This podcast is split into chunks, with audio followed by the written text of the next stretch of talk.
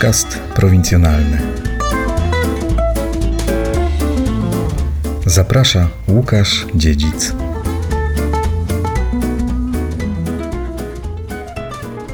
Dzień dobry, witam w 24 odcinku podcastu prowincjonalnego. Dla mnie najlepszą rzeczą w pracy radiowego reportera były spotkania z wyjątkowymi ludźmi. I o jednym z takich spotkań będzie ten odcinek.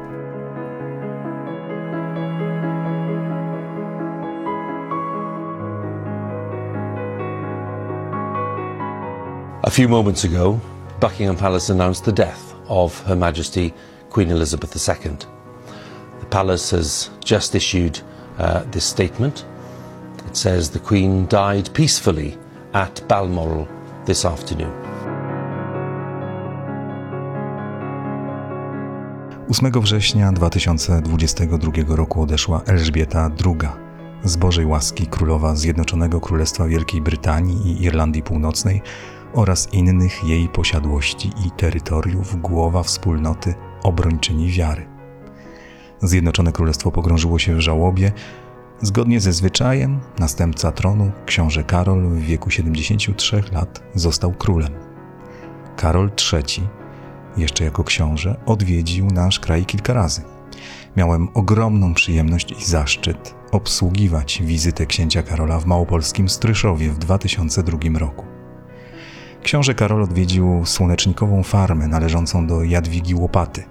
Pretekstem była nagroda Goldmana, którą otrzymała Jadwiga Łopata, założycielka Międzynarodowej Koalicji dla Ochrony Polskiej Wsi. Nagroda Goldmana nazywana jest ekologicznym Noblem, przy okazji nagrody mieszkanka Stryszowa poznała Sir Juliana Rose, który jest przyjacielem Karola i tak, w dużym skrócie, w czerwcu 2002 roku książę Karol pojawił się w tej podwadowickiej miejscowości. Jest czwartek, 13 dzień czerwca 2002 roku. W Stryszowie wyczuwa się atmosferę podniecenia. Asfalt na drodze prowadzącej do Sunflower Farm jeszcze ciepły.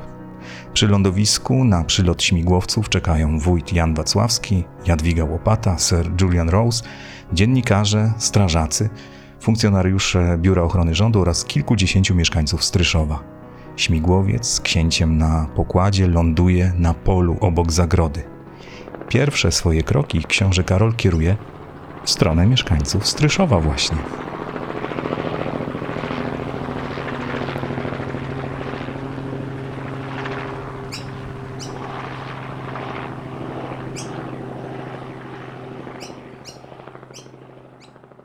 We haven't caused too much noise and disturbance with Mam all nadzieję, these że zbyt wiele helicopters. hałasu nie spowodowaliśmy i za bardzo wam życia nie zakłóciliśmy tymi śmigłowcami.